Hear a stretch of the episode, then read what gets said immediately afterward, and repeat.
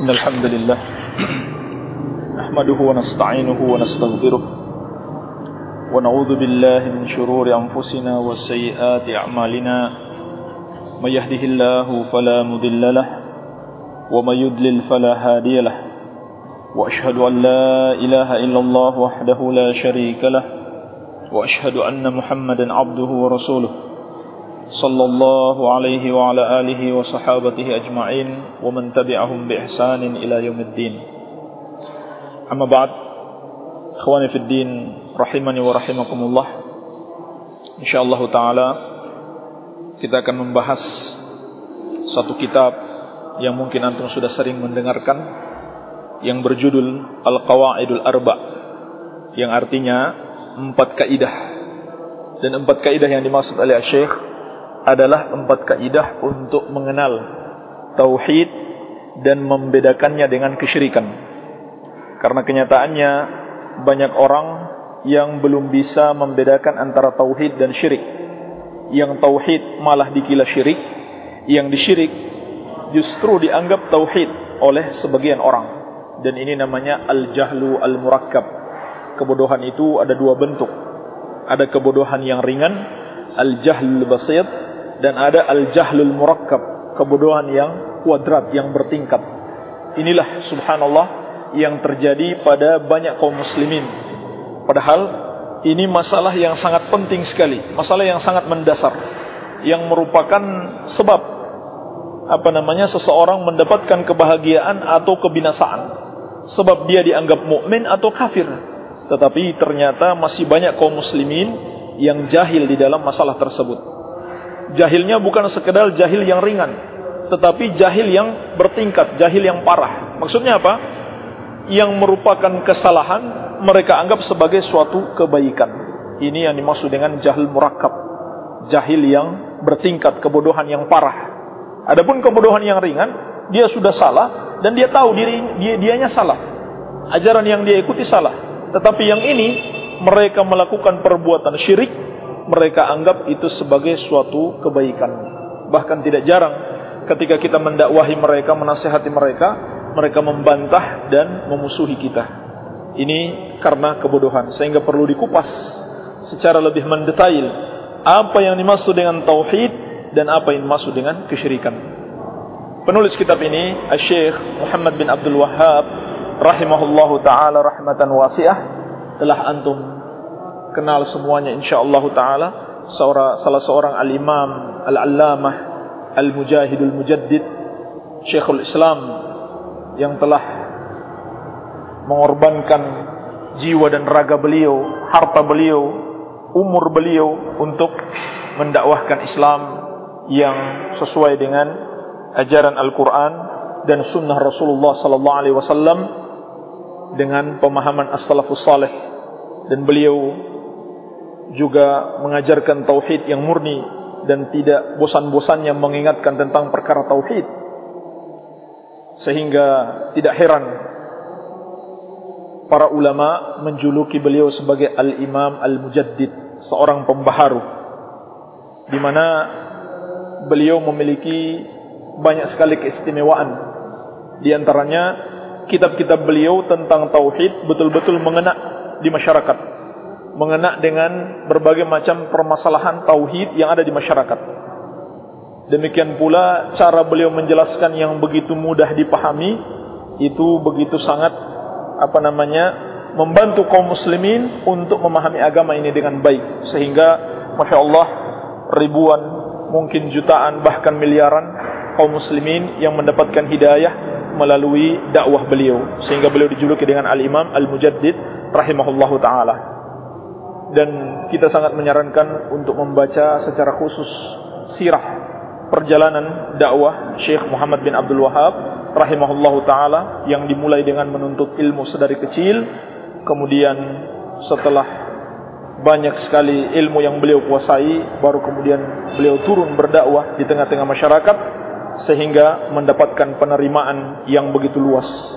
Walaupun demikian itu tidak mudah beliau lalui tentunya ada cobaan-cobaan dan rintangan yang beliau hadapi tetapi alhamdulillah dengan pertolongan Allah Subhanahu wa taala beliau bisa menyebarkan dakwahnya. Baik. Beliau mulai kitab ini dengan Bismillahirrahmanirrahim. Iqtidaan bi kitabillah azza wa jalla wa sunnati rasulih sallallahu alaihi wasallam sebagai bentuk peneladanan terhadap kitab Allah. Kitab Allah dimulai dengan Bismillahirrahmanirrahim. Dan juga surat-surat Rasulullah sallallahu alaihi wasallam dimulai dengan Bismillahirrahmanirrahim seperti surat beliau kepada penguasa-penguasa kafir. Bahkan para nabi sebelumnya di antaranya disebutkan dalam surat An-Naml, surat Nabi Sulaiman kepada Ratu Saba, "Innahu min Sulaiman wa innahu bismillahirrahmanirrahim." Itu disebutkan dalam surat An-Naml. Bismillah itu artinya apa? Ba di situ adalah ba al-isti'anah. Ba al-isti'anah, ba yang maknanya adalah memohon pertolongan Allah Subhanahu wa taala. Sehingga makna bismillah adalah asta'inu billah. Aku memohon pertolongan kepada Allah Subhanahu wa taala.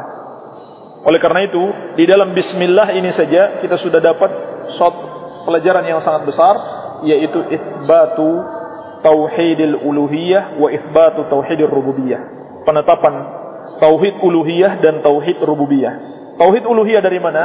Yakni kita hanya memohon pertolongan kepada Allah Subhanahu wa taala. Sebab al-isti'anah bagian dari doa, dia termasuk ibadah.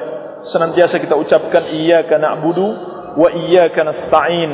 Hanya kepadamu kami beribadah dan hanya kepadamu kami mohon pertolongan.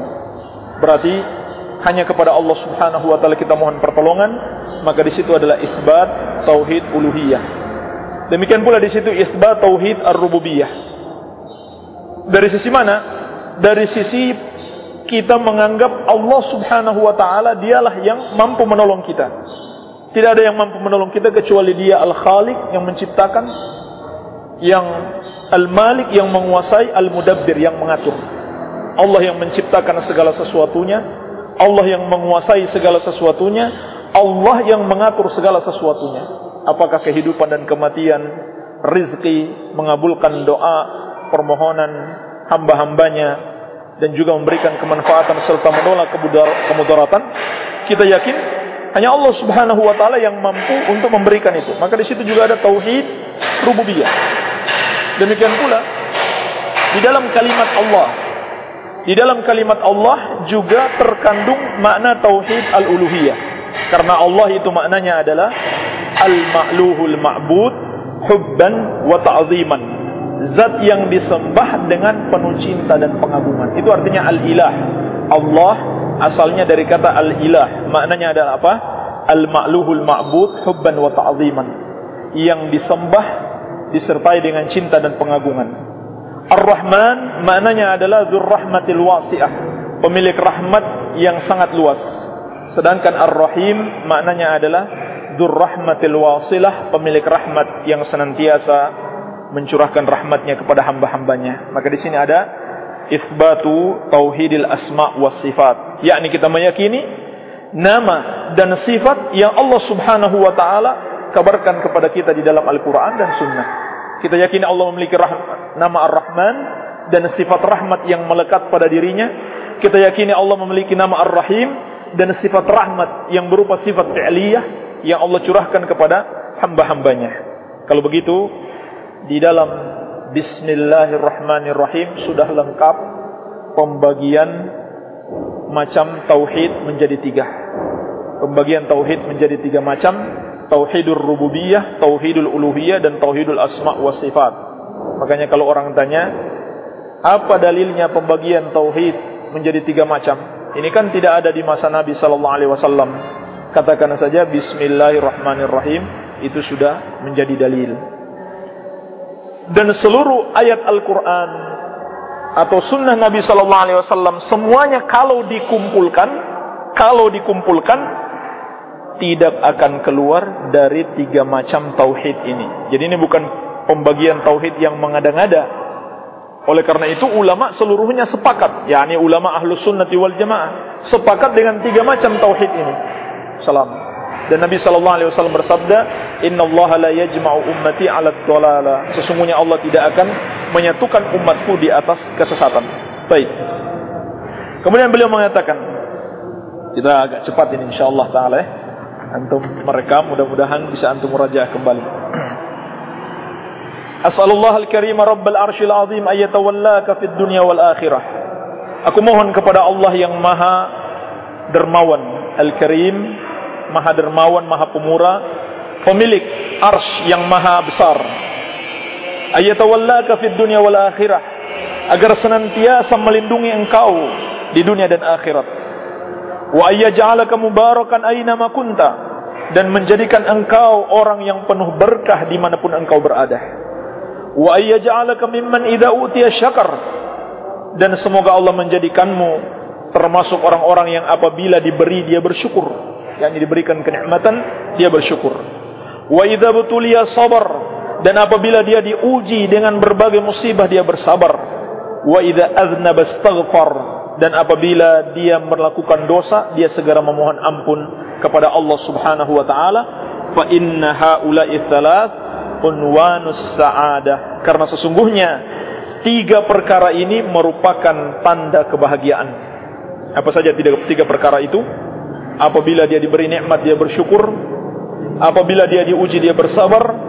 Dan apabila dia berdosa dia memohon ampun kepada Allah Subhanahu wa taala ini insyaallah akan kita rinci pembahasannya kata beliau rahimahullah aku mohon kepada Allah yang maha pemurah beliau sebut Allah dengan salah satu namanya yang mengandung sifatnya yaitu Al-Karim yang maha dermawan, yang maha pemurah, yang senantiasa apa namanya bermurah hati kepada hamba-hambanya, tidak pernah pelit.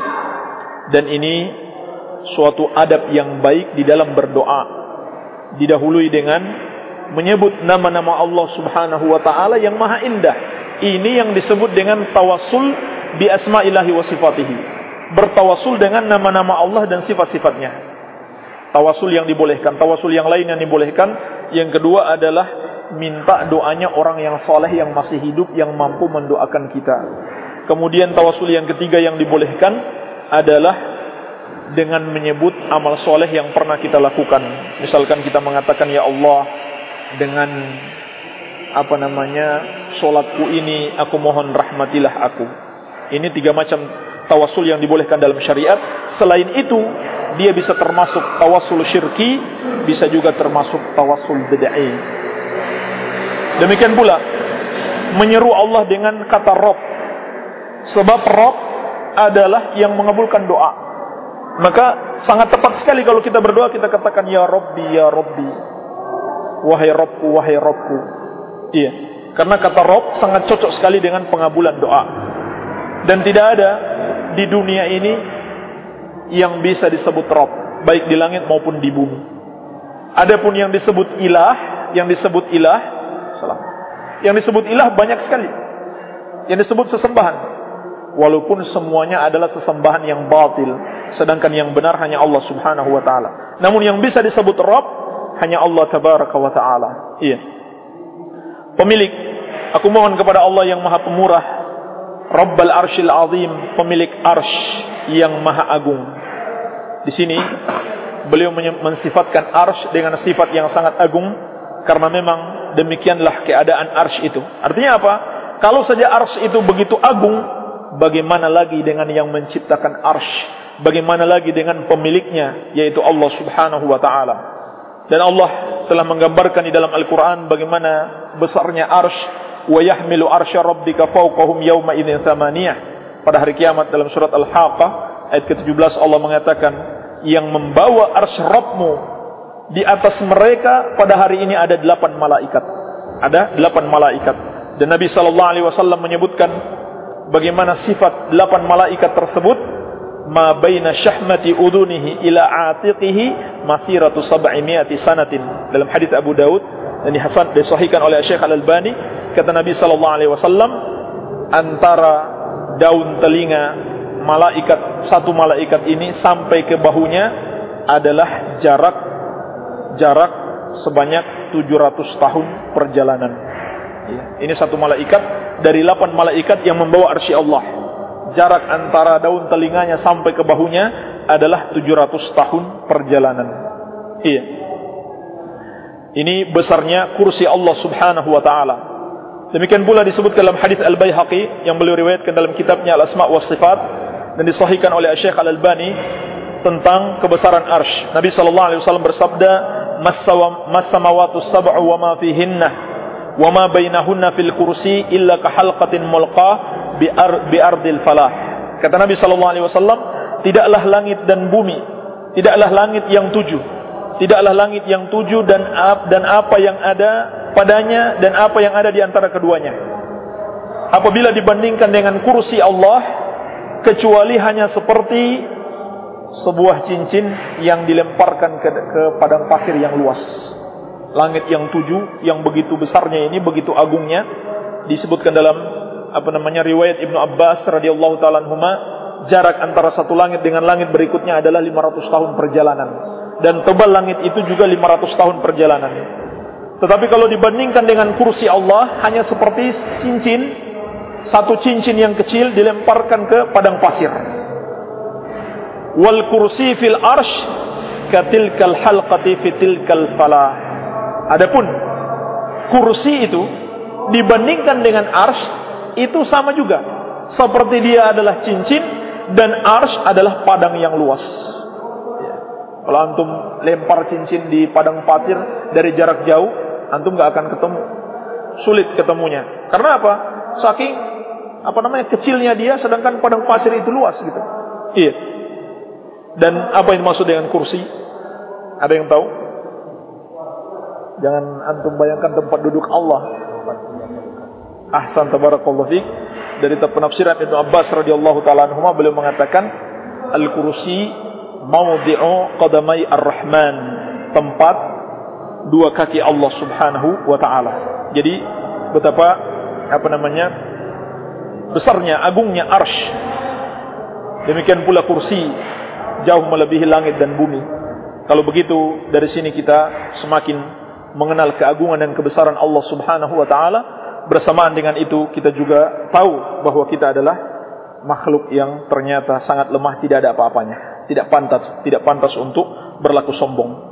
Beliau mengatakan, aku mohon kepada Allah yang Maha Pemurah pemilik arsy yang sangat agung, ayyatawallaka fid dunya wal akhirah. Untuk senantiasa melindungi engkau di dunia dan di akhirat kelak, yakni menjadi walimu, orang yang apa afwan yang engkau kasihi, yang senantiasa melindungimu, yang senantiasa menemanimu. Beliau mendoakan semoga Allah Subhanahu wa taala yang menjadi pelindung kita. Dan apabila Allah Subhanahu wa taala telah menjadi pelindung seseorang, maka dipastikan yang paling utama akan diberikan kenikmatan kepadanya adalah nikmat hidayah sebagaimana Allah tegaskan Allahu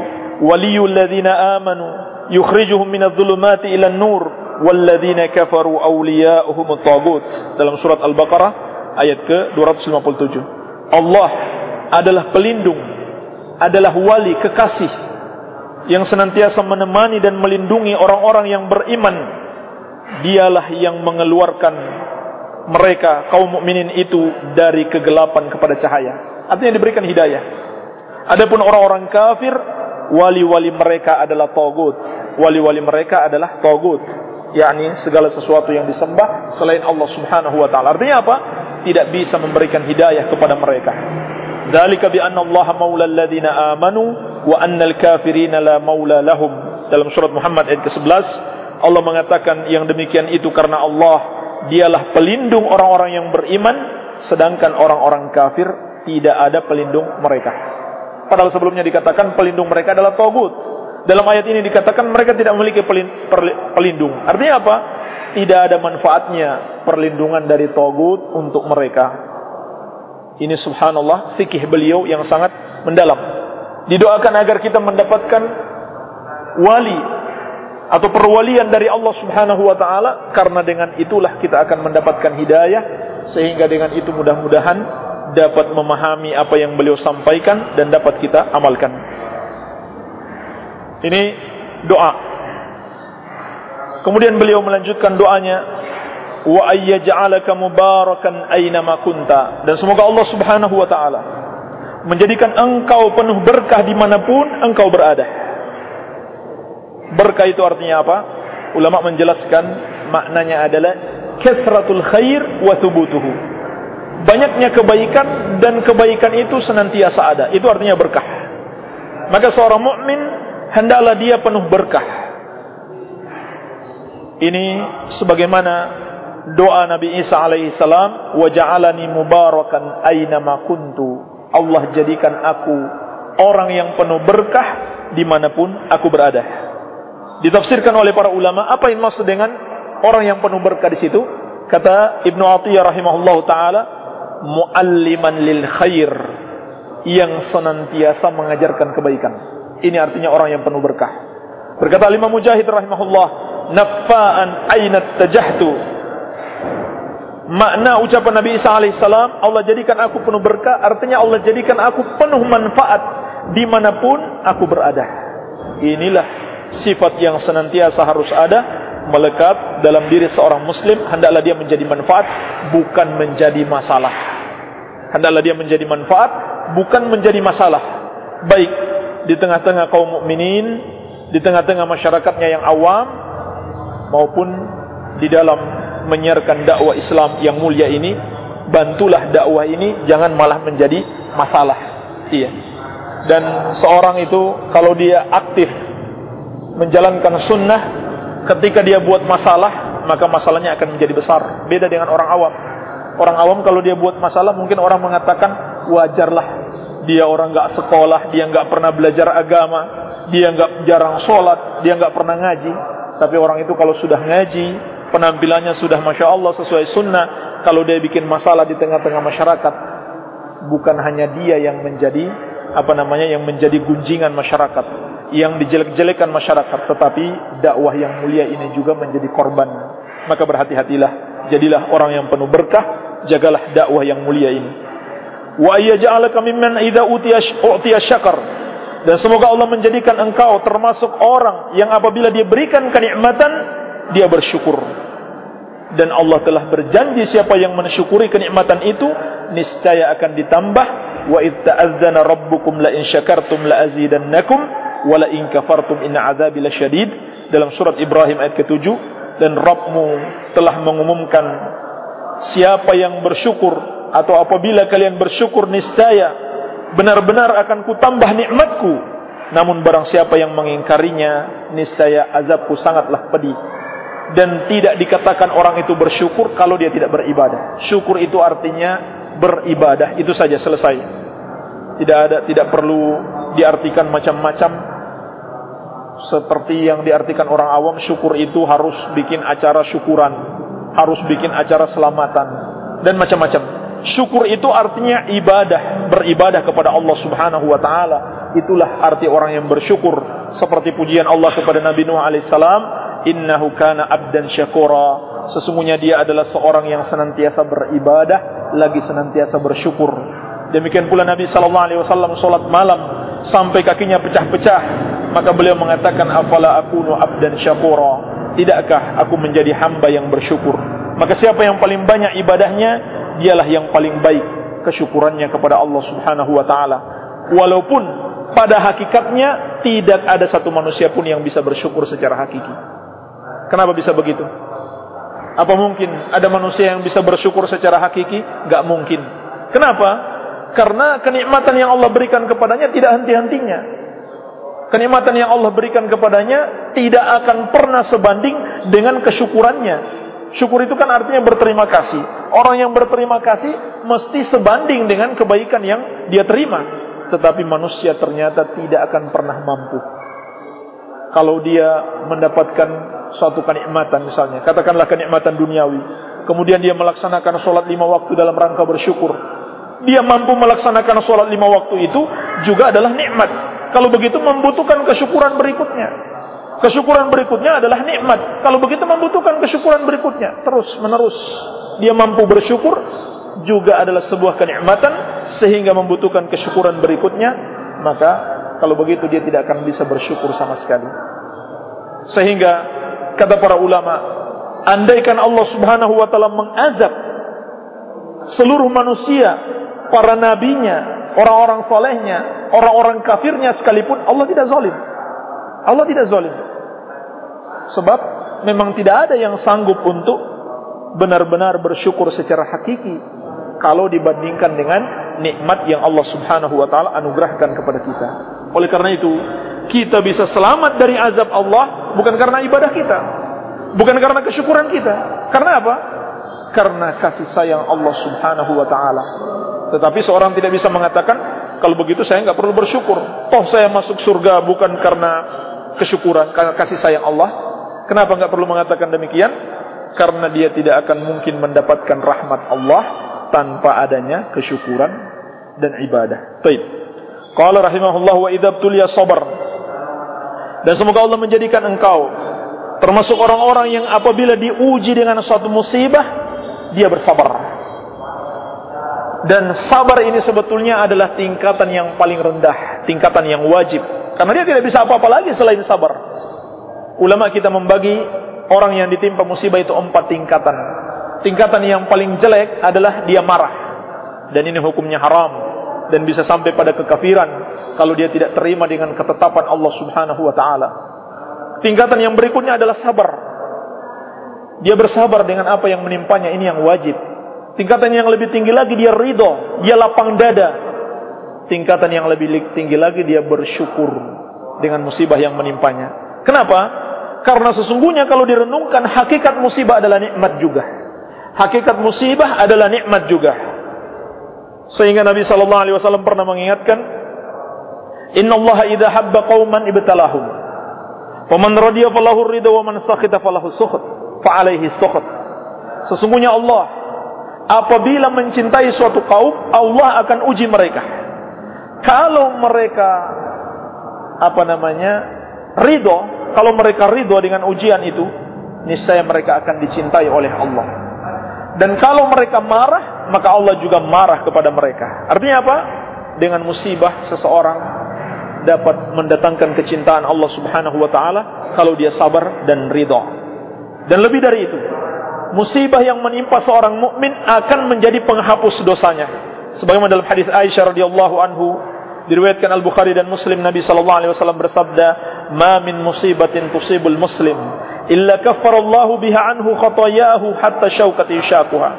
Tidak ada satu musibah pun yang menimpa seorang muslim kecuali dengan itu Allah akan menghapuskan dosa-dosanya sampai pun duri kecil yang menusuk kakinya. Maka seorang mukmin harus berjalan dengan dua sayap ini, sayap kesyukuran dan sayap kesabaran. Ketika mendapatkan nikmat dia bersyukur, ketika mendapatkan musibah dia bersabar. Ini adalah sifat yang tidak mungkin ada selain pada orang-orang yang beriman sebagaimana dalam hadis Suhaib radhiyallahu anhu diriwayatkan Imam Muslim Nabi sallallahu alaihi wasallam mengatakan ajaban li amril mu'min ajaban li amril mu'min sungguh mengagumkan perkara seorang mukmin itu Inna amrahu kullahu khair. Sesungguhnya setiap perkara mukmin itu adalah kebaikan. Mau dilihat dari sisi manapun, tetap kebaikan. Walaysa dzalika li ahadin illa lil mu'min dan itu tidak mungkin ada kecuali dalam diri seorang mukmin. In asabahu sarra syakara fakana khairan lahu. Kalau dia mendapatkan kenikmatan dia bersyukur maka itu adalah kebaikan baginya. Wa in asabathu dharra sabara fakana khairan lahu. Dan apabila dia ditimpa suatu musibah dia bersabar maka itu pun menjadi kebaikan baginya. Iya. Dan Allah Subhanahu wa taala melalui lisan nabinya sallallahu alaihi wasallam telah mengabarkan a'zamun nasi bala'an al-anbiya tsummal amsal fal amsal manusia yang paling keras musibahnya adalah para nabi kemudian yang semisalnya kemudian yang semisalnya lagi artinya bergantung keimanan menunjukkan apa tidak selamanya musibah itu menunjukkan Allah mengazab seseorang enggak. Tidak selamanya musibah itu menunjukkan Allah benci kepada seseorang tidak. Betul musibah itu dua fungsinya. Terkadang untuk mengazab, namun terkadang juga justru karena cinta Allah kepada orang itu. Seperti dalam hadis Bukhari dari Abi Hurairah radhiyallahu anhu, kata Nabi sallallahu alaihi wasallam, "May yuridillahu bi khairan yusib minhu." Barang siapa yang Allah inginkan kebaikan badannya, Allah akan timpakan musibah kepadanya. Oleh karena itu, jangan pernah kita berputus asa dari rahmat Allah, jangan berburuk sangka ketika kita ditimpa suatu musibah. Qala wa idza aznaba astaghfara dan semoga engkau dijadikan termasuk orang-orang yang apabila dia berbuat dosa, dia kemudian beristighfar, memohon ampun kepada Allah Subhanahu wa taala atas dosa yang dia lakukan. Karena manusia bagaimanapun juga tidak akan selamat dari dosa. Hanya bedanya orang mukmin dan orang yang fajir, orang yang jahat ketika berbuat dosa, seorang ahlu sunnah dan ahlul bid'ah ketika berbuat dosa, ahlu sunnah akan segera bertobat. Apalagi kalau dia sudah diingatkan saudaranya. Dan dia tidak peduli. Apakah cara mengingatkannya dengan cara yang kasar atau cara yang baik, dia tidak peduli. Alhamdulillah saya sudah diingatkan. Sudah nggak usah dipermasalahkan bagaimana cara dia mengingatkannya. Walaupun tetap kita menasehati, kalau kamu mengingatkan saudaramu, ingatkan dengan cara yang lemah lembut. Kalau saudaramu ini orang yang sangat jahil, justru kalau kamu mengingatkan dia dengan cara yang keras, kamu malah lebih menjermuskan dia dalam kesalahan. Dan ini yang terjadi. Kalau kita ingkari saudara kita dengan cara yang keras, sering kali malah dia semakin jauh dari kita, semakin terjerumus dalam kesalahan. Walaupun kalau kita disikapi seperti itu, kita jangan permasalahkan. Tetap kita bersyukur, kita berterima kasih kepada saudara kita. Dan kita kasih udur dia, mungkin dia belum tahu cara mengingkari kemungkaran. Tapi tetap kita bersyukur. Gak usah kita jadikan itu sebagai sebab untuk memusuhi dia. Bersyukur sudah dinasehati bagaimanapun cara dia menasehati kita. Ini bedanya ahlu sunnah dengan ahlul bid'ah. Ahlul bid'ah atau orang-orang fasik. Mereka ketika berbuat dosa, bukannya segera bertobat, diingatkan malah lebih menjadi-jadi, maka mereka terus menerus tenggelam di dalam dosa mereka. Sebagaimana Allah telah mengabarkan kepada kita tentang sifat orang-orang yang bertakwa dalam surat Ali Imran ayat ke-135. Walladzina idza fa'alu fahishatan أو ظلموا أنفسهم anfusahum الله فاستغفروا لذنوبهم wa يغفر الذنوب إلا الله. dan orang-orang yang apabila mereka melakukan suatu perbuatan dosa atau menzolimi diri-diri mereka sendiri. Perhatikan ikhwan fiddin rahimani wa rahimakumullah. Allah katakan pelaku dosa itu hakikatnya dia tidak menzolimi orang lain tetapi menzolimi dirinya sendiri. Maka ketika mereka melakukan itu zakarullah, mereka segera teringat kepada Allah lalu mereka memohon ampun atas dosa-dosa mereka. Dan siapakah yang mampu mengampunkan dosa-dosa selain Allah Subhanahu wa taala? Maka inilah sifat seorang mukmin. Meskipun mungkin bukan tidak mungkin seorang mukmin itu terjatuh dalam kesalahan. Tetapi dia berbeda dengan orang-orang yang fajir ahlul bid'ah. Dia ketika bersalah dia segera bertobat. Apalagi diingatkan saudaranya dia segera taubat tidak terus-menerus tenggelam dalam kesalahan tersebut. Oleh karena itu Allah Subhanahu wa taala menyatakan innallaha yuhibbut tawwabin wa yuhibbul mutatahhirin. Sesungguhnya Allah mencintai orang yang senantiasa bertobat dan yang senantiasa menyucikan dirinya. Juga Nabi sallallahu alaihi wasallam bersabda, "Kullu bani Adam khata' wa khairul khata'ina tawwabun." Setiap anak Adam senantiasa berbuat salah dan sebaik-baik orang yang berbuat salah adalah yang senantiasa bertobat kepada Allah Subhanahu wa taala. Ini penjelasan makna doa yang beliau doakan kepada Allah Subhanahu wa taala untuk kaum muslimin siapa saja yang membaca kitabnya yang mempelajari kitabnya. Mudah-mudahan ini doa orang yang saleh, kita termasuk orang-orang yang dikabulkan doanya oleh Allah Subhanahu wa taala. Doa orang yang saleh. Katakan amin. Allahumma amin. Semoga Allah Subhanahu wa taala mengabulkan doa beliau. Dan ada satu pelajaran penting di sini menunjukkan sifat rahmahnya seorang alim, sifat rahmahnya seorang pengajar, seorang dai, seorang ahlu sunnah memiliki sifat kasih sayang yang besar kepada umat ini sehingga senantiasa mereka doakan. Oleh karena itu ulama dahulu, ulama dahulu dari kalangan muhaddithin kalau mereka mau memberikan ijazah ijazah itu artinya izin periwayatan ya. Ijazah di kalangan muhaddisin maksudnya apa? Izin periwayatan. Itu mereka akan mulai dengan meriwayatkan hadis ar-rahimun yarhamuhumur rahman. Hadis Ibnu Umar radhiyallahu anhuma dari yang diriwayatkan Abu Dawud dan disahihkan oleh Syekh Al-Albani. Nabi sallallahu alaihi wasallam bersabda ar-rahimun yarhamuhumur rahman irhamu man fil ardi yarhamkum man fis sama. orang-orang yang penyayang akan disayangi oleh Allah yang Maha Penyayang. Sayangilah yang di bumi, niscaya yang di langit akan menyayangi kalian. Kenapa dimulai dengan hadis ini? Kenapa? Untuk mengingatkan ilmu ini dibangun di atas sifat rahmah, di atas sifat kasih sayang. Maka sangat jauh dari sifat yang keras, kaku dan kasar. Itu apa namanya? Sangat jauh sebetulnya. Sehingga kalau orang memulai dakwanya dengan kekerasan, dengan sifat yang membuat orang lari darinya itu dia tidak mengerti dia belum mengerti bagaimana dakwah Nabi sallallahu alaihi wa alihi wasallam. Allah mengatakan fa bima rahmatin minallahi lintalahum walau kunta faddan ghalidhal qalbi lam faddu min hawlik. Kalau bukan karena rahmat Allah engkau berlemah lembut kepada mereka. Kalau engkau kasar lagi keras hati niscaya mereka akan lari dari sekelilingmu dahulu tidak dipungkiri kita pertama mengenal sunnah karena saking semangat sehingga kita lupa menjaga diri, menjaga sikap, berlaku keras dan kasar mungkin kepada keluarga kita sendiri, justru menyebabkan mereka lari dari as-sunnah, maka saatnya kita memperbaiki untuk lebih baik di dalam bersikap. Qala rahimahullah i'lam arsyadakallahu li ta'atihi li ta'atihi. Ketahuilah semoga Allah membimbingmu untuk taat kepadanya. Ini beliau masih melanjutkan doanya. I'lam ketahuilah artinya apa? Ta'allam wafham wa tayaqqan. Pelajarilah, pahamilah dan yakinilah. Ini maknanya i'lam. Pelajari, pahami dan yakini. Artinya apa? Betul-betul kita harus perhatikan ini. Ini tidak main-main. Ini persoalan penting di dalam agama. Iya. Dan ilmu, ilmu itu sendiri maknanya adalah idraku syai' ala ma huwa alaihi idrakan jaziman. Memahami sesuatu, menguasainya sebagaimana adanya dengan keyakinan yang pasti. Itu namanya ilmu. Kalau kita dengarnya samar-samar, teringat sampai dirimu teringat sebagian lupa sebagian, itu belum namanya ilmu. Itu jahlul basit, kebodohan yang ringan. Ya. Kita sudah tahu, kita belum ingat semuanya.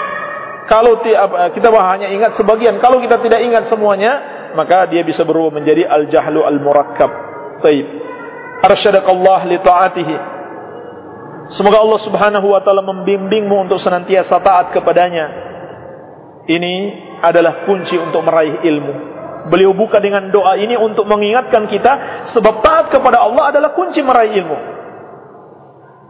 Sebagaimana Imam Syafi'i rahimahullah taala pernah mengadukan bagaimana dia pernah terganggu hafalannya. Imam Syafi'i yang begitu kuat hafalannya pernah terganggu. Maka diadukan kepada gurunya Imam Waqi rahimahullah taala lalu beliau memberikan nasihat.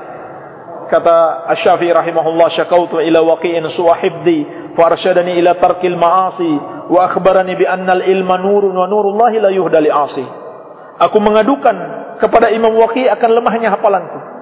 Lalu beliau membimbingku untuk meninggalkan maksiat dan beliau mengabarkan kepadaku bahwasanya ilmu itu adalah cahaya dan cahaya Allah Subhanahu wa taala tidak akan diberikan bagi orang yang berbuat maksiat. Iya.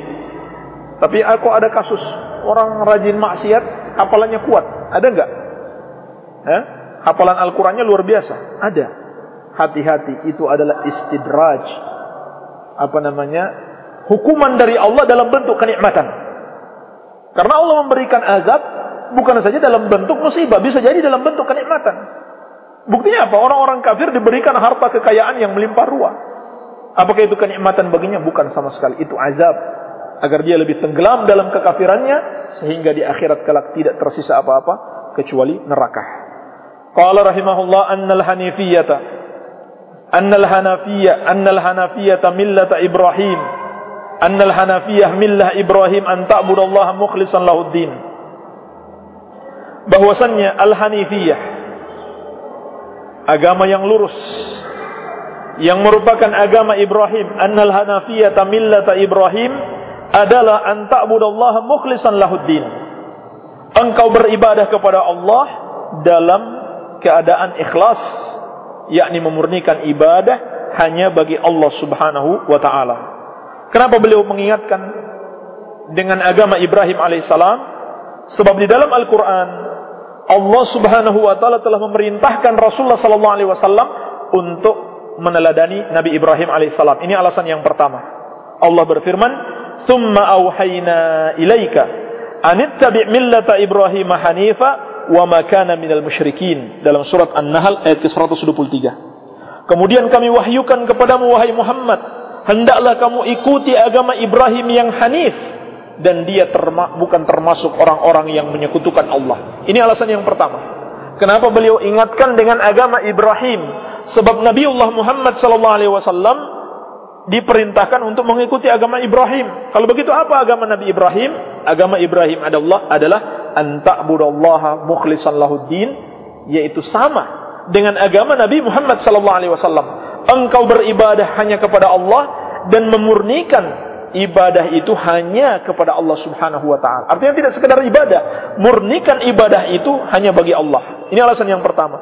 Alasan yang kedua, ternyata orang-orang kafir pun mengklaim pengikut Nabi Ibrahim alaihissalam seperti orang-orang Yahudi dan Nasrani. Maka Allah Subhanahu wa taala telah membantah mereka, "Maka Ibrahimu Yahudiyan wala Nasraniyan walakin kana hanifan muslima wa ma kana minal musyrikin dalam surat Ali Imran ayat ke-67. Tidaklah Ibrahim itu seorang Yahudi, tidak pula seorang Nasrani, tetapi dia adalah seorang yang hanif lagi muslim, yakni yang mentauhidkan Allah dan dia tidak termasuk orang-orang yang menyekutukan Allah Subhanahu wa taala. Hanif itu artinya orang yang bertauhid. Kata Ibnu Qayyim rahimahullahu taala, makna al-hanif al-muqbil 'ala Allah, al-mu'rid an kulli ma Senantiasa memperhadapkan ibadahnya kepada Allah dan berpaling dari selain Allah Subhanahu wa taala. Ini sifat Nabi Ibrahim alaihissalam yang diperintahkan nabi kita untuk mengikuti beliau. Iya. Wa bidzalika amara Allah jami'an nas. Dan dengan tauhid inilah Allah perintahkan kepada seluruh manusia. Sekali lagi perlu diingat agama Ibrahim dan agama Nabi kita Muhammad sallallahu alaihi wasallam bukan sekedar beribadah kepada Allah saja. Tetapi ibadah itu harus dimurnikan hanya kepada Allah yang satu saja. Artinya walaupun seorang sudah ibadah, dia sholat, dia puasa, dia zakat, namun di sisi lain dia juga melakukan kesyirikan, dia belum dianggap orang yang beribadah dengan benar. Walaupun kesyirikannya itu hanya dalam hatinya, Mungkin dia tidak pernah melakukan dengan anggota tubuhnya. Misalkan setiap hari dia sholat. Bahkan ke mana-mana pakai sarung, pakai peci, pakai baju koko, atau pakai gamis. Tetapi misalkan dalam hatinya, boleh saja kalau seorang mau pindah agama jadi Kristen, ya silahkan, tidak apa-apa katanya. Maka dia kafir, dia musyrik, dia bukan seorang muslim. Iya. Atau dia bilang, dalam hatinya dia membolehkan, boleh-boleh saja kalau seorang mau berdoa, kepada selain Allah kepada wali. Itu kan hak mereka. Itu kan hak asasi. Sudah diatur undang-undang maka dia kafir dia musyrik seperti mereka walaupun dia tidak pernah masuk gereja. Walaupun dia tidak pernah berdoa kepada selain Allah dia sama seperti mereka. Siapa yang ridho dengan kekafiran maka dia seperti orang-orang yang melakukan kekafiran tersebut. Wa bidzalika amara Allah jami'al jami' jami'al khalqi. Wa bidzalika amara Allah jami'al khalqi dan ibadah inilah yang Allah perintahkan kepada seluruh makhluk. Kama qala ta'ala sebagaimana firman Allah wa ma khalaqtul jinna wal insa illa liya'budun. Dalam surat Az-Zariyat ayat ke-56 dan tidaklah aku ciptakan jin dan manusia kecuali agar mereka beribadah kepadaku. Maksudnya beribadah kepadaku saja. Sebagaimana ditafsirkan Ibnu Abbas radhiyallahu taala anhuma kullu ma warada fil Qur'ani minal ibadah fa maknahu tauhid. Semua kata ibadah dalam Al-Qur'an maknanya tauhid. Ini perlu kita ingat. Semua makna ibadah, semua kata ibadah dalam Al-Qur'an maknanya tauhid. Bukan sekedar beribadah kepada Allah, tetapi memurnikan ibadah itu hanya kepada Allah Subhanahu wa taala. Ibadah itu sendiri maknanya adalah secara bahasa adalah adzul wal khudu, kehinaan dan ketundukan. Ini makna ibadah secara bahasa. Adapun secara syariat dilihat dari dua sisi. Pertama dari sisi orang yang melakukan ibadah. Maknanya adalah kata Syekh Ibnu Utsaimin rahimahullahu taala, at-tadallu lillahi azza wa jalla. Menghinakan diri di hadapan Allah Subhanahu wa taala. Bi fi'li awamirihi wa jtinabi nawahi, yaitu dengan menjalankan perintah-perintahnya dan menjauhi larangan-larangannya mahabbatan wa ta'ziman dengan penuh cinta dan pengagungan alal wajhil ladzi ja'at bihi ja'at bihi syara'i'uhu menurut cara yang sesuai dengan syariat-syariat Allah Subhanahu wa taala. Itu arti ibadah dilihat dari sisi orang yang melakukan ibadah. Artinya seorang yang melakukan ibadah harus dia tunduk menghinakan diri kepada Allah, menjalankan perintah Allah, menjauhi larangannya, disertai cinta dan pengagungan dan ibadahnya sesuai dengan petunjuk Nabi sallallahu alaihi wasallam. Adapun apabila dilihat dari sisi amalannya adalah seperti kata Syekhul Islam Ibn Taimiyah rahimahullahu taala, ibadah itu adalah ismun jami' likulli ma yuhibbuhu Allah wa yardah min al-aqwali wal a'mali adh-dhahira wal batinah. Ibadah itu adalah suatu nama yang mencakup suatu nama yang mencakup seluruh yang dicintai dan diridhoi Allah baik itu ucapan maupun perbuatan yang nampak maupun yang tersembunyi. Artinya apa? Seluruh aktivitas kita apakah ucapan maupun perbuatan yang nampak yakni yang bisa dilihat orang ataupun dalam hati yang tidak bisa dilihat orang haruslah menjadi sesuatu yang dicintai dan diridhoi Allah Subhanahu wa taala. Caranya bagaimana? Dengan memenuhi dua syarat ibadah, ikhlas dan ittiba kepada Rasulullah sallallahu alaihi wa alihi wasallam. Ini yang dimaksud dengan ibadah. Maka Allah kabarkan, aku tidak ciptakan jin dan manusia kecuali agar mereka beribadah kepadaku saja. Inilah misi penciptaan manusia dan agama para nabi dan rasul sebelumnya sebagaimana juga Allah tegaskan di dalam surat An-Nahl ayat ke-36 apa bunyinya? Hah? Baik, siapa yang ingat? Allah Subhanahu wa taala berfirman, "Tidaklah kami utus pada setiap umat itu seorang rasul. Walau qad ba'athna fi kulli ummatir rasula an ibudullaha wajtanibu tagut. Dan sungguh kami telah mengutus pada setiap umat itu seorang rasul. Setiap rasul menyerukan wahai kaumku sembahlah Allah saja dan jauhilah tagut jauhi jauhilah segala sesuatu selain Allah. Qala rahimahullah fa idza araftah. Maka apabila engkau telah tahu annallaha khalaqa li ibadatihi bahwasanya Allah menciptakanmu untuk beribadah kepadanya semata-mata fa'lam annal ibadata la tusamma ibadatan illa ma'at tauhid maka ketahuilah ibadah itu tidak dinamakan ibadah kecuali bersama tauhid artinya apa kalau seorang beribadah kepada Allah namun dia tidak murnikan ibadah itu hanya bagi Allah itu belum dinamakan ibadah misalkan dia berdoa kepada Allah. Ketika solat dia berdoa kepada Allah, ihdinas siratal mustaqim. Sebelumnya dia juga sudah mengatakan, iyyaka na'budu wa iyyaka nasta'in. Hanya kepadamu kami beribadah, hanya kepadamu kami mohon pertolongan. Ternyata ketika dia ditimpa musibah, dia datang di kuburan-kuburan orang yang soleh. Dia minta lagi kepada penghuni kubur itu. Kenapa dia tidak minta kepada Allah? Padahal dia sudah mengatakan wa iyyaka nasta'in, hanya kepadamu kami mohon pertolongan. Ternyata dia bohong. Di lain sisi ketika dia ditimpa musibah, dia datang kepada penghuni kubur atau datang kepada dukun, bukan minta tolong kepada Allah Subhanahu wa taala. Sehingga ibadah yang dia lakukan belum dinamakan ibadah kenapa? Karena tidak bersama tauhid. Kama anna salata la tusamma salatan illa ma'at tahara. Sama dengan salat solat itu tidak dianggap solat kecuali dengan bersuci. yakni solat seseorang tidak sah tanpa bersuci.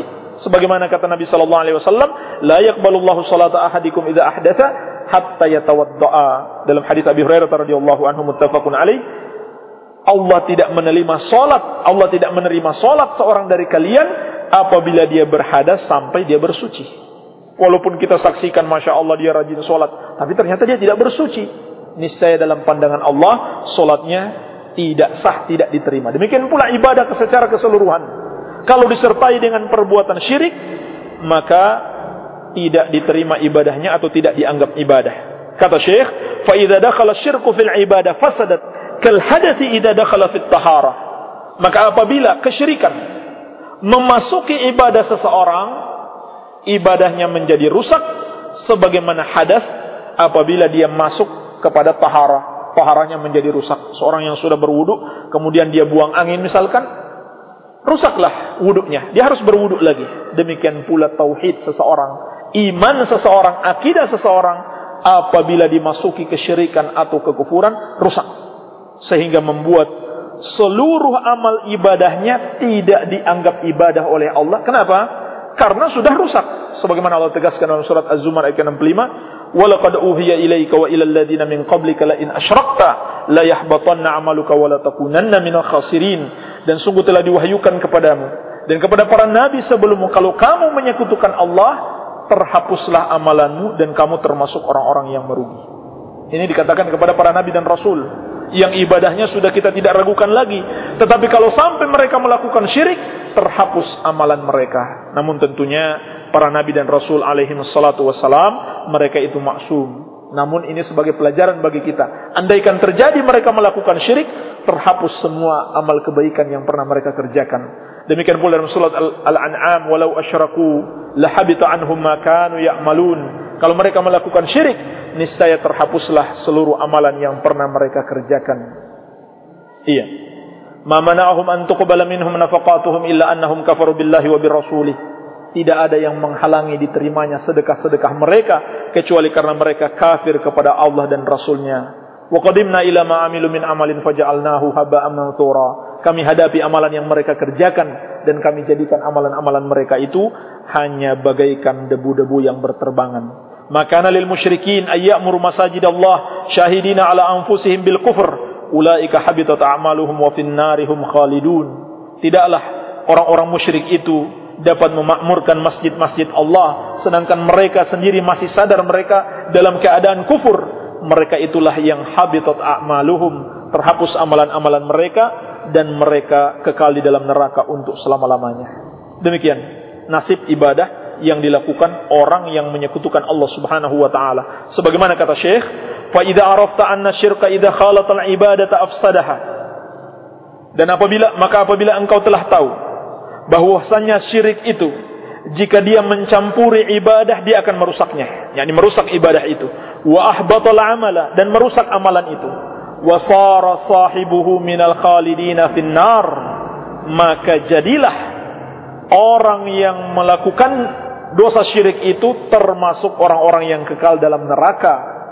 Seperti ayat yang kita sebutkan tadi juga dalam surat Al-Bayyinah Allah tegaskan innal ladzina kafaru min ahli kitab wal musyrikin fi nari jahannam khalidina fiha ulaika hum syarrul bariyah. Sesungguhnya orang-orang kafir dari kalangan ahlul kitab Yahudi dan Nasrani dan kaum musyrikin seluruhnya tempat mereka di neraka jahanam mereka kekal di dalamnya untuk selama-lamanya mereka itulah seburuk-buruknya makhluk kalau engkau sudah tahu betapa bahayanya kesyirikan kalau dia masuk dalam ibadah seseorang ibadahnya rusak Bukan cuma ibadahnya yang itu, seluruh amalannya terhapus dan pelakunya akan kekal di dalam neraka. Arafta anna ahamma ma 'alaika ma'rifatu dzalik.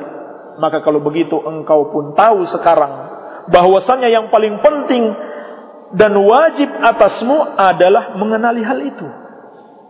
Mengenali kesyirikan. Jangan jangan sampai kamu mengira syirik itu adalah tauhid. Sebab kenyataannya banyak orang yang terjerumus dalam kesyirikan dikarenakan tidak tahu apa itu syirik, apa itu tauhid.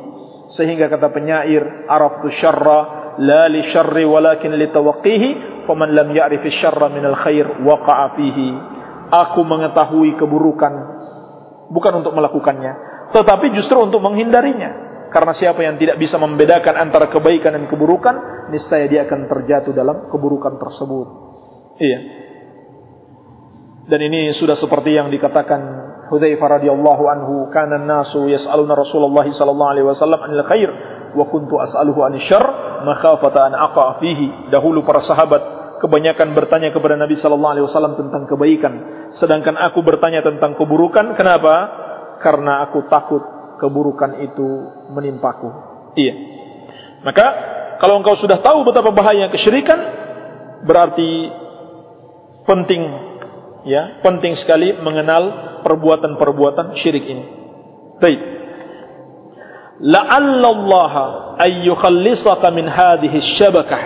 Semoga ketika kamu sudah tahu, kamu sudah sadar, kamu sudah menuntut ilmu, Allah Subhanahu wa taala menyelamatkanmu dari kesyirikan ini. Di sini beliau masih mendoakan kita semoga doa beliau dikabulkan oleh Allah Subhanahu wa taala. Iya. Wahya syirkul wahya syirku billahi alladhi qala Allah taala fihi. Dan syirik inilah yang Allah katakan tentangnya Inna Allah la yaghfiru ay yushraka bihi wa yaghfiru ma duna dzalika liman yasha. Dalam surat An-Nisa ayat ke-116. Ayat yang sama bunyi yang sama pada ayat ke-48. Sesungguhnya Allah Subhanahu wa taala tidak akan mengampuni dosa menyekutukannya dan mengampuni dosa yang lebih ringan daripada itu bagi siapa yang dia kehendaki. Ya, perlu dicatat kita katakan doa ya, dosa yang lebih ringan karena ada dosa yang semisal syirik yaitu kekufuran. Karena tidak setiap syirik, tidak setiap kekufuran adalah syirik, namun setiap syirik adalah kekufuran. Kata Allah Subhanahu wa taala sesungguhnya Allah tidak akan mengampuni dosa menyekutukannya dan mengampuni dosa yang lebih ringan daripada itu bagi siapa yang dia kehendaki. Artinya apa? Orang kalau sudah tidak diampuni dosanya pasti akan diazab. Pasti akan diazab. Hanya saja ulama khilaf apakah syirik yang tidak diampuni di sini termasuk syirik besar atau syirik kecil saja? pendapat yang dikuatkan Syekhul Islam dan condong kepadanya Syekh Ibnu Utsaimin sama-sama tidak diampuni, baik syirik besar maupun syirik kecil. Sebab ayat ini berlaku umum. Hanya saja bedanya syirik besar menyebabkan pelakunya kekal di neraka dan syirik kecil tidak menyebabkan pelakunya kekal di neraka. Iya. Qala rahimahullah wa dhalika bi ma'rifati arba'i arba'i qawaid zakaraha Allah taala fi kitabih. Maka untuk bisa mengenal kesyirikan dan membedakannya dengan tauhid adalah dengan mengenal empat kaidah yang Allah sebutkan di dalam kitabnya. Artinya apa? Empat kaidah yang akan beliau jelaskan di sini berasal dari kitab Allah Subhanahu wa taala beliau jelaskan kepada kita agar kita lebih mudah memahami karena kebodohan kita sehingga mudah-mudahan dengan penjelasan beliau kita lebih mudah memahami empat kaidah kesyirikan yang telah Allah jelaskan di dalam Al-Qur'an. Qala rahimahullah kita masuk pada kaidah yang pertama, al-qaidatul ula. Kaidah yang pertama. Anta alama anna al-kuffara alladhina qatalahum Rasulullah sallallahu alaihi wasallam mukirruna bi anna Allah ta'ala huwal khaliqul mudabbir wa anna dzalika lam yudkhilhum fil Islam. Hendaklah engkau tahu bahwasanya orang-orang kafir yang diperangi oleh Rasulullah sallallahu alaihi wasallam mereka itu mengakui atau mengimani bahwasanya Allah Subhanahu wa taala adalah pencipta dan pengatur, pencipta alam ini dan pengaturnya. Namun keyakinan mereka itu tidak membuat mereka masuk Islam, yakni tidak memasukkan mereka ke dalam Islam. Artinya mereka tidak dianggap sebagai kaum muslimin, tetap saja dianggap orang kafir meskipun mereka yakin Allah yang mencipta, Allah yang mengatur alam ini. Padahal kaidah akal sehat, kaidah akal sehat tauhidul uluhiyah mutadamminun bi tauhidur rububiyah. Ini antum harus ingat kaidah ini. Tauhidul uluhiyah mutadamminun bi tauhidir rububiyah. Wa tauhidir rububiyah mustalzimun bitauhidi al-uluhiyah. Tauhid rububiyah itu eh, tauhid uluhiyah sudah mencakup tauhid rububiyah. Artinya apa? Seorang kalau dia sudah menyembah Allah, berarti dia yakin Allah yang memiliki sifat-sifat rububiyah. Hanya dia yang mencipta, yang memberikan rezeki, yang menghidupkan dan mematikan, yang pantas kita panjatkan doa kepadanya. Demikian pula tauhidur rububiyah mustalzimun li tauhid al-uluhiyah kalau seorang sudah beriman dengan tauhid rububiyah, mestinya pasti membawa dia beriman dengan tauhid uluhiyah. Yani kalau kita yakin Allah yang mencipta, memberi rezeki, menghidupkan dan mematikan, terus kenapa kita berdoa kepada selain Allah? Kenapa kita masih beribadah kepada selain Allah? Ini kebodohannya orang-orang kafir di zaman jahiliyah dahulu. Mereka yakin Allah yang mencipta, Allah yang menguasai alam ini, Allah yang mengatur, tetapi mereka tidak mentauhidkan Allah dalam uluhiyah. Ta'ala. Dalilnya apa? Apakah beliau berbicara sembarang bicara? Tidak. Ada dalilnya. Firman Allah Subhanahu wa taala ketika ditanyakan kepada orang kafir, "Qul mayyarzuqukum minas sama'i wal ard." Katakan wahai Muhammad, Siapakah yang memberikan rezeki kepada kalian dari langit dan bumi? Amma sam'a wal? Atau siapakah yang menguasai pendengaran dan penglihatan? Wa hayya minal mayyit wa yukhrijal minal? Dan siapakah yang mengeluarkan hidup yang hidup dari yang mati dan yang mati dari yang hidup? Wa may amr? Dan siapa yang mengatur urusan-urusan? Fa sayaquluna Allah. Niscaya mereka akan mengatakan semua itu yang mengaturnya, yang menguasainya adalah Allah Subhanahu wa taala. Perhatikan, ini keimanan orang-orang kafir tetapi mereka belum dianggap sebagai orang-orang yang beriman. Fakul afala tattaqun. Maka katakan kepada mereka, lalu kenapa kalian tidak bertakwa? Ini surat Yunus ayat ke-31. Yakni kenapa kalian tidak mentauhidkan Allah dalam uluhiyah? Kalian sudah tahu Allah yang memberikan rezeki, dari langit dan dari bumi, Allah yang menguasai pendengaran dan penglihatan, Allah yang menghidupkan dan mematikan, Allah yang mengatur urusan. Terus kenapa kalian tidak beribadah kepada Allah yang satu saja? Maka ini artinya apa? Orang yang sudah beriman dengan rububiyah Allah, dia sudah percaya Allah mencipta, Allah yang mengatur, belumlah dia dikatakan sebagai seorang muslim atau seorang mukmin sampai dia mempersembahkan ibadahnya hanya kepada Allah yang satu saja. Tapi anehnya ulama ul kalam, ahlul kalam, ahli filsafat dan kebanyakan orang-orang yang menulis buku tentang tauhid, mereka justru atau yang mengajarkan tentang tauhid, mereka justru hanya menekankan pada tauhid rububiyah. Allah pencipta, Allah pemberi rizki. Ya itu bagus. Kalau ditekankan itu bagus. Tetapi jangan lupa, tekankan juga Allah satu-satunya yang berhak disembah. Kalau sudah ditekankan itu juga harus ditekankan apa saja bentuk ibadah. Jangan sampai dia beriman Allah yang menciptakan, Allah yang memberikan rezeki, Allah yang menghidupkan dan mematikan. Ternyata dia masih berdoa kepada selain Allah. Ternyata dia lebih mengandalkan jimat daripada pertolongan Allah. Ketika dia menghadapi berbagai macam permasalahan, dia lebih bersandar kepada makhluk, tawakalnya kepada makhluk daripada kepada Allah Subhanahu wa taala. Ini yang terjadi pada diri orang-orang kafir. Dan subhanallah ternyata terjadi juga pada sebagian orang yang mengaku muslim. Tahu dia Allah yang menciptakan, Allah yang memberikan rezeki, Allah yang menghidupkan dan mematikan. Giliran terkena musibah, katanya kita harus apa? E, memetik janur kuning terus dililitkan di tangan untuk penolak bala. Hatinya sudah bersandar kepada selain Allah. Menyembelih hewan persembahkan ke mana? Kiai siapu sapu jagat atau Nyi Loro Kidul. Dia menyembelih untuk selain Allah. Padahal dia tahu Allah yang mencipta, Allah yang memberikan rezeki.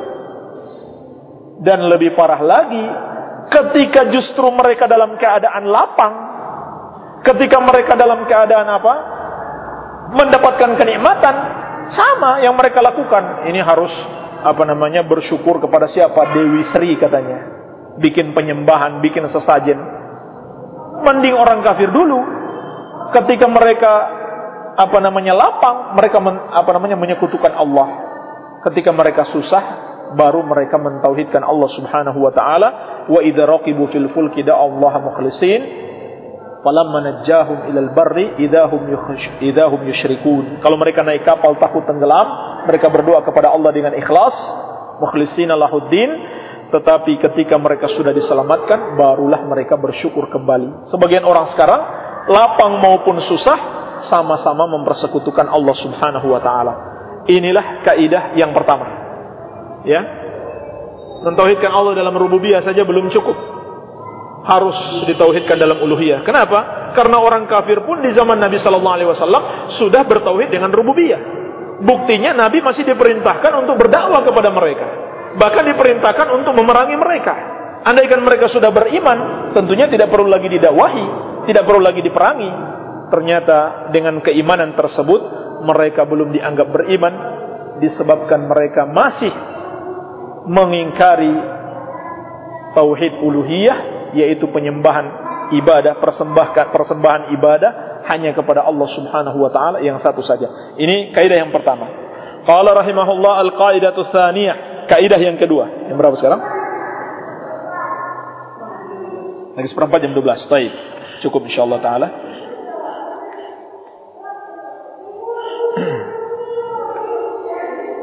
Kaidah yang kedua. Al-qaidah tsaniyah, kaidah yang kedua, annahum yaqulun bahwasanya mereka mengatakan ma da'awnahum wa tawajjahna ilaihim illa li talabil qurba wasyafaah. Kami tidak berdoa kepada sesembahan selain Allah, yakni kepada para berhala dan yang lainnya dan beribadah kepada mereka kecuali karena dua sebab yaitu memohon agar didekatkan kepada Allah dan agar diberikan syafaat di sisi Allah. Perhatikan, ini tujuan yang sangat mulia. Orang-orang musyrik dahulu menyekutukan Allah dengan berhala-berhala, dengan para nabi dan rasul, orang-orang saleh yang disembah, dengan kuburan-kuburan, tujuannya sangat mulia ternyata agar supaya berhala-berhala ini mendekatkan mereka kepada Allah. Tujuannya mulia sekali. Artinya dijadikan apa? Dijadikan perantara untuk membawa ibadah-ibadah mereka. Dan juga agar berhala-berhala ini menjadi pemberi syafaat mereka di sisi Allah Subhanahu wa taala. Ini menunjukkan apa? Kesyirikan orang zaman sekarang dan zaman dulu sama, tidak ada bedanya. Yang ngaku muslim tetapi dia berdoa kepada selain Allah dengan harapan apa? Doanya diteruskan kepada Allah. Atau nanti dia anggap gurunya, pimpinan tarekatnya, pimpinan tasawufnya dan lain sebagainya dapat memberikan syafaat dia di sisi Allah. Akan menyelamatkan dia. Sampai-sampai mereka katakan, kalau tidak ikut tarekat kita, maka tidak akan selamat. Harus ikut tarekat kita. Sampai gurunya pun mengatakan, kalau kamu sudah bayat sama saya, saya jamin selamat. Sini, saya lem 250 ribu. Selim 250 ribu sebagai apa namanya uh, biaya bayatnya. Iya, nanti kamu akan dijamin selamat. Saya akan menyelamatkan kamu di sisi Allah. Artinya diberikan syafaat. Diberikan syafaat. Iya. Maka ini kesyirikan yang dilakukan oleh kaum musyrikin di masa lalu sama dengan yang terjadi di masa sekarang. Tidak ada bedanya. Iya. Fadalilul qurba qauluhu ta'ala. Sekarang apa buktinya? Beliau tidak berbicara tanpa bukti. Buktinya adalah firman Allah Subhanahu wa taala yang menjelaskan tentang al-qurbah, yakni orang-orang dahulu kaum musyrikin dahulu beribadah kepada selain Allah tujuannya agar didekatkan kepada Allah. Yakni firman Allah Subhanahu wa taala dalam surat Az-Zumar ayat ketiga. "Walladzina ittakhadhu min dunihi awliya'a ma na'buduhum illa liyuqarribuna ila Allahi zulfa." Dan mereka yang menjadikan selain Allah sebagai pelindung-pelindung mereka maka mereka mengatakan kami tidak beribadah kepada selain Allah tersebut kecuali agar mereka mendekatkan kami kepada Allah sedekat-dekatnya innallaha yahkumu bainahum fima hum fihi yakhtalifun sesungguhnya Allah memberikan hukum di antara mereka terhadap apa yang mereka perselisihkan. Artinya apa yang mereka lakukan itu salah. Innallaha la yahdi man huwa kadzibun kafar. Sesungguhnya Allah tidak akan memberikan hidayah kepada pendusta lagi kafir. Wa dalilu syafa'ah qauluhu ta'ala. Adapun dalil mereka hanya mengharapkan syafaat adalah firman Allah Subhanahu wa taala, "Wa ya'buduna min dunillahi ma la yadhurruhum wa la yanfa'uhum wa yaquluna haula'i syufa'auna indallah." Dalam surat Yunus ayat ke-18. Mereka beribadah kepada selain Allah yang tidak bisa memberikan bahaya kepada mereka, tidak pula memberikan manfaat dan mereka mengatakan sesembahan-sesembahan kami selain Allah tersebut adalah para pemberi syafaat kepada kami di sisi Allah Subhanahu wa taala. Ternyata yang mereka inginkan adalah sangat mulia. Mereka ingin selamat dari azab Allah. Mereka ingin ibadah mereka sampai kepada Allah. Jadi mereka jadikan sesembahan-sesembahan selain Allah itu hanya tujuan antara, bukan tujuan utama. Tetap saja Allah katakan mereka musyrik, mereka kafir. Sama dengan hari ini. Siapa yang menjadikan para wali sebagai perantara untuk berdoa, meskipun dia namakan itu tawassul, itu adalah kesyirikan dan itu bukan tawassul. Itu adalah kesyirikan. Kalaupun mau dikatakan tawassul, maka itu tawassul yang syirik. Kemudian beliau menjelaskan hakikat syafaat supaya kita faham. Syafaat itu ada aturannya. Qala rahimahullah wasyafa'atu syafa'atani. Syafaat itu ada dua macam. Syafa'atun manfiyah wa syafa'atun muthbatah syafaat yang dinafikan dan syafaat yang ditetapkan. yakni yang dinafikan di dalam Al-Quran dan yang ditetapkan dalam Al-Quran. Fasyafaatul manfiyah ma kana tutlabu min ghairillahi fi ma la yaqdiru alaihi illallah. Maka yang dimaksud dengan syafaat yang dinafikan adalah yang diminta dari selain Allah pada apa yang tidak dimampui atasnya kecuali hanya oleh Allah. Maksudnya apa? Syafaat di akhirat kelak. Syafaat di akhirat kelak adalah sesuatu yang tidak boleh kita minta kecuali hanya kepada Allah. Karena tidak ada yang bisa memberikan syafaat kecuali dengan izin Allah Subhanahu wa taala dan tidak ada yang bisa mengabulkan doa itu kecuali Allah. Maka salah kaprah kalau Allah sudah menetapkan Nabi sallallahu alaihi wasallam memberikan syafaat, lalu kita minta kepada Nabi, itu salah kaprah. Yang benar mintanya kepada Allah Subhanahu wa taala sebab doa itu ibadah dan Nabi tidak bisa memberikan syafaat kecuali dengan izin Allah. Berarti mintanya harus kepada Allah Subhanahu wa taala. Wad qauluhu ta'ala.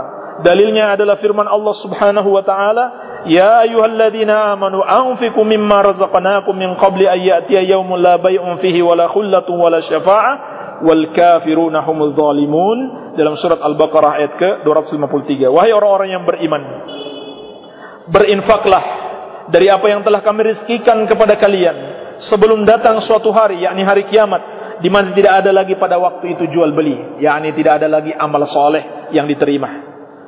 Dan juga tidak ada apa namanya hubungan tidak ada hubungan al-khullah, hubungan kasih sayang.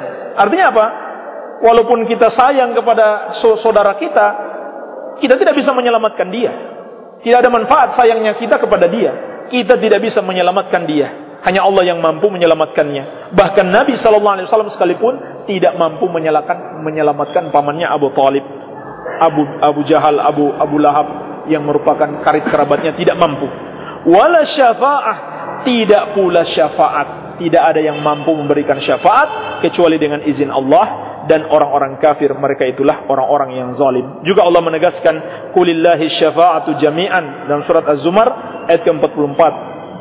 Katakanlah syafaat itu semuanya hanya milik Allah Subhanahu wa taala. Dan Allah tidak akan memberikan syafaat kepada orang-orang yang menyekutukannya mali zalimina min hamimin wala syafi'in yuta'. Tidaklah bagi orang-orang zalim zalim itu yang bisa menjadi penyelamat mereka atau memberikan syafaat yang ditaati.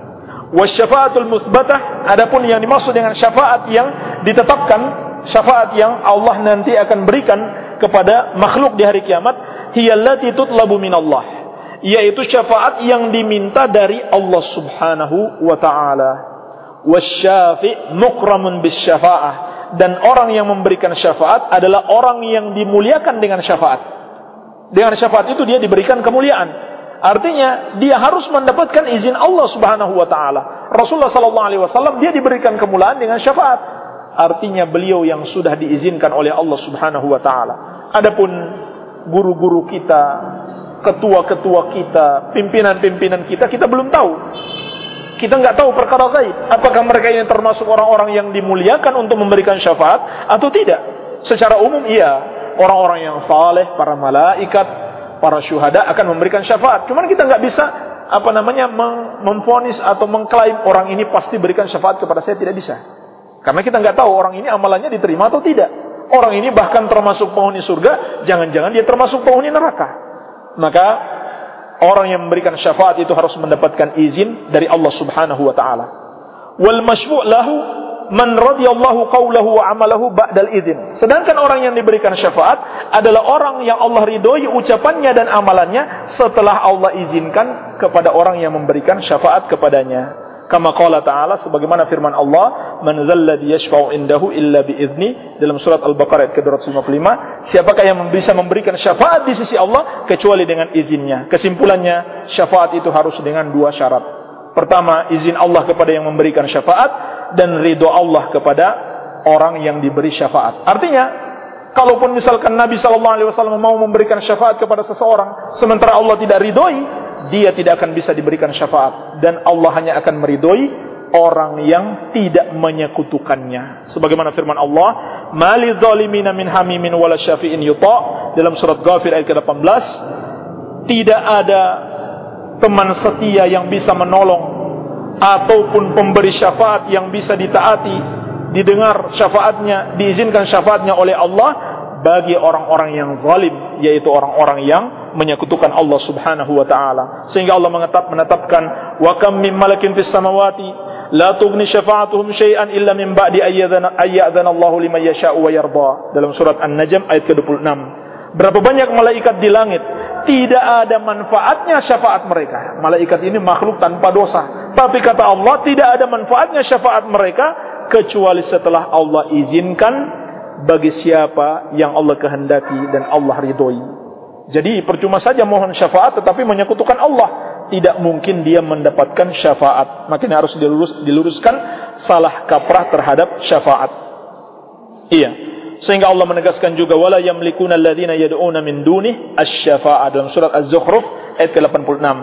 Dan mereka yang berdoa kepada selain Allah tidak sedikit pun memiliki syafaat. Iya.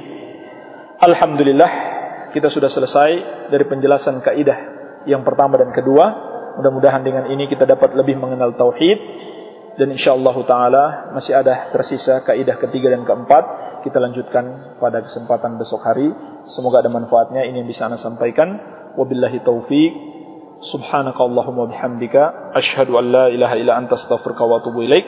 Wa ala nabiyyina muhammadin wa alihi wa sallam. Wa akhiru da'wana alhamdulillahi rabbil alamin. Wassalamu alaikum warahmatullahi wabarakatuh